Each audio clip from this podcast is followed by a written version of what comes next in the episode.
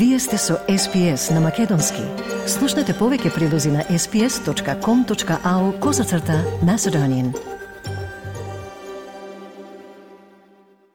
Останете со SPS Audio, каде со вас е Маргарита Василева. Продолжуваме со медицинска тема. Едно ново истражување покажа недостигна свеста за херпес зостер или познато како шинглс кај постарите австралици – Истражувањето спроведено од GlaxoSmithKline покажа дека многу луѓе мислат дека shingles е сериозен и дека тоа нема да им се случи на нив.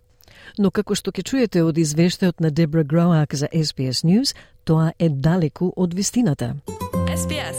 SBS. SBS. SBS. SBS. SBS Radio. I just started getting blisters on my arm and the back of my neck. Started just itching, very itchy. A couple of days after the blisters, I went to the doctor and yeah, they diagnosed shingles. Само што почнала да добива плускавци на раката и на задниот дел од вратот, Памела почна да се чеша постојано и по неколку дена лекарот ја диагностицира со шинглс.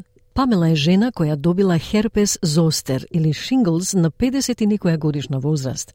Таа ја сподели својата приказна со GlaxoSmithKline, кој отворија веб страница наречена noshingles.com.au за неделата на свесноста за шинглс. GlaxoSmithKline вели дека недоволно луѓе сваќаат колку се ранливи на состојбата шинглс.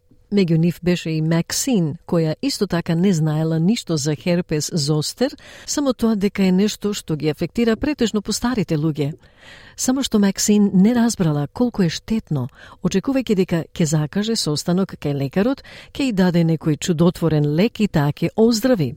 Но тоа не беше случајот. I knew nothing whatsoever about shingles other than truly it was for old people. I just didn't understand how damaging it is. And I thought, I'll make an appointment, they'll give me this miracle drug, and I'll be fixed. That wasn't the case. Заблудите за шинглс се чини дека се широко распространети. Една нова студија од GlaxoSmithKline покажа дека повеќето луѓе што биле анкетирани не го знаат ризикот од развојот на оваа состојба или не знаат колку може да биде сериозна. Професорот Тони Канингем е директор на Центарот за истражување на вируси на Универзитетот во Сиднеј.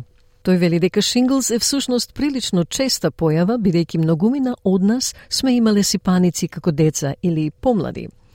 Тоа, според Канингем, е предизвикано од вирусот на сипаници, а потоа, како што луѓето стареат, вирусот повторно се појавува и предизвикува инфекција на кожата.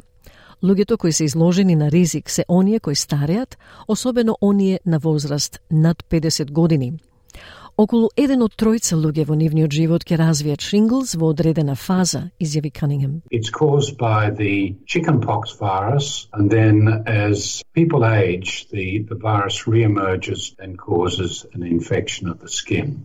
The people who are at risk are those who are aging, particularly those over the age of 50, About one in three people in their lifetime will develop shingles at some stage. Постои вакцина за шинглс наречена Shingrix, која чини 560 долари по доза.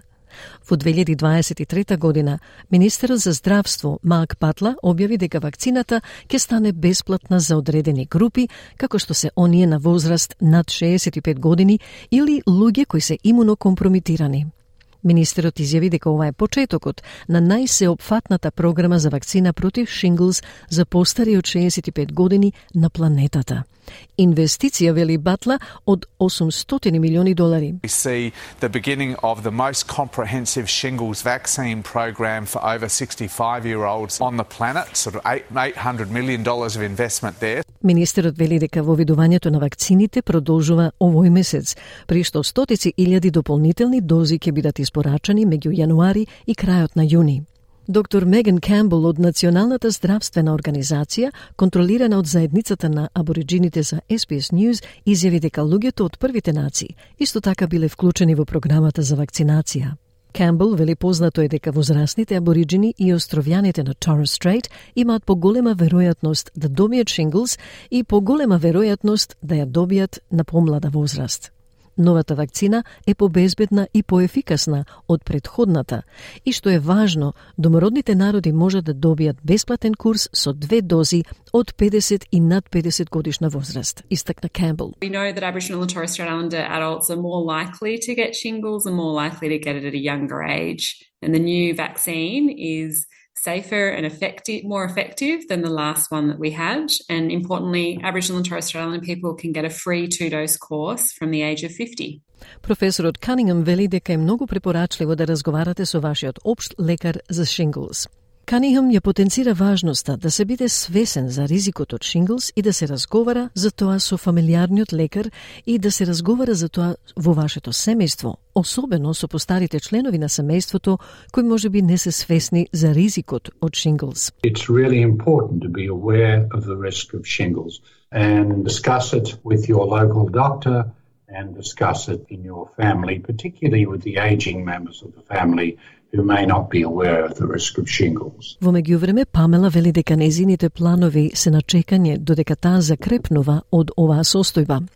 Пам работи три дена во неделата по три часа, но треба да се враќа дома и да одспие. И не може многу други работи да прави, особено со парализата на едната рака. Тоа е поразително и фрустрирачко, вери Пем поради што таа планираше да се пензионира и да почне да патува, но за жал таа во моментот е заглавена поради шинглс. I work three days a week, three hours it's like. I have to come home and sleep.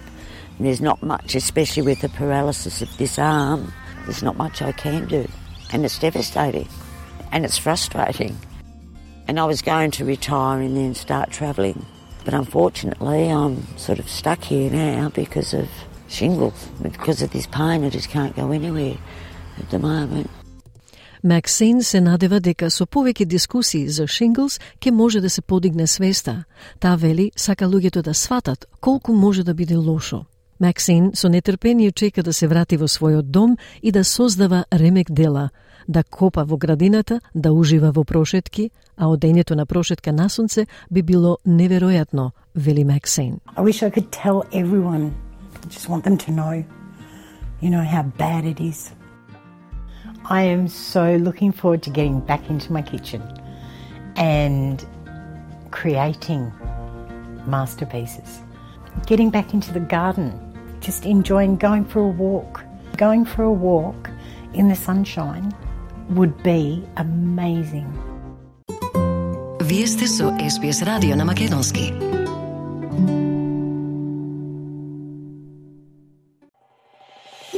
Сакате ли да чуете повеќе прилози како овој?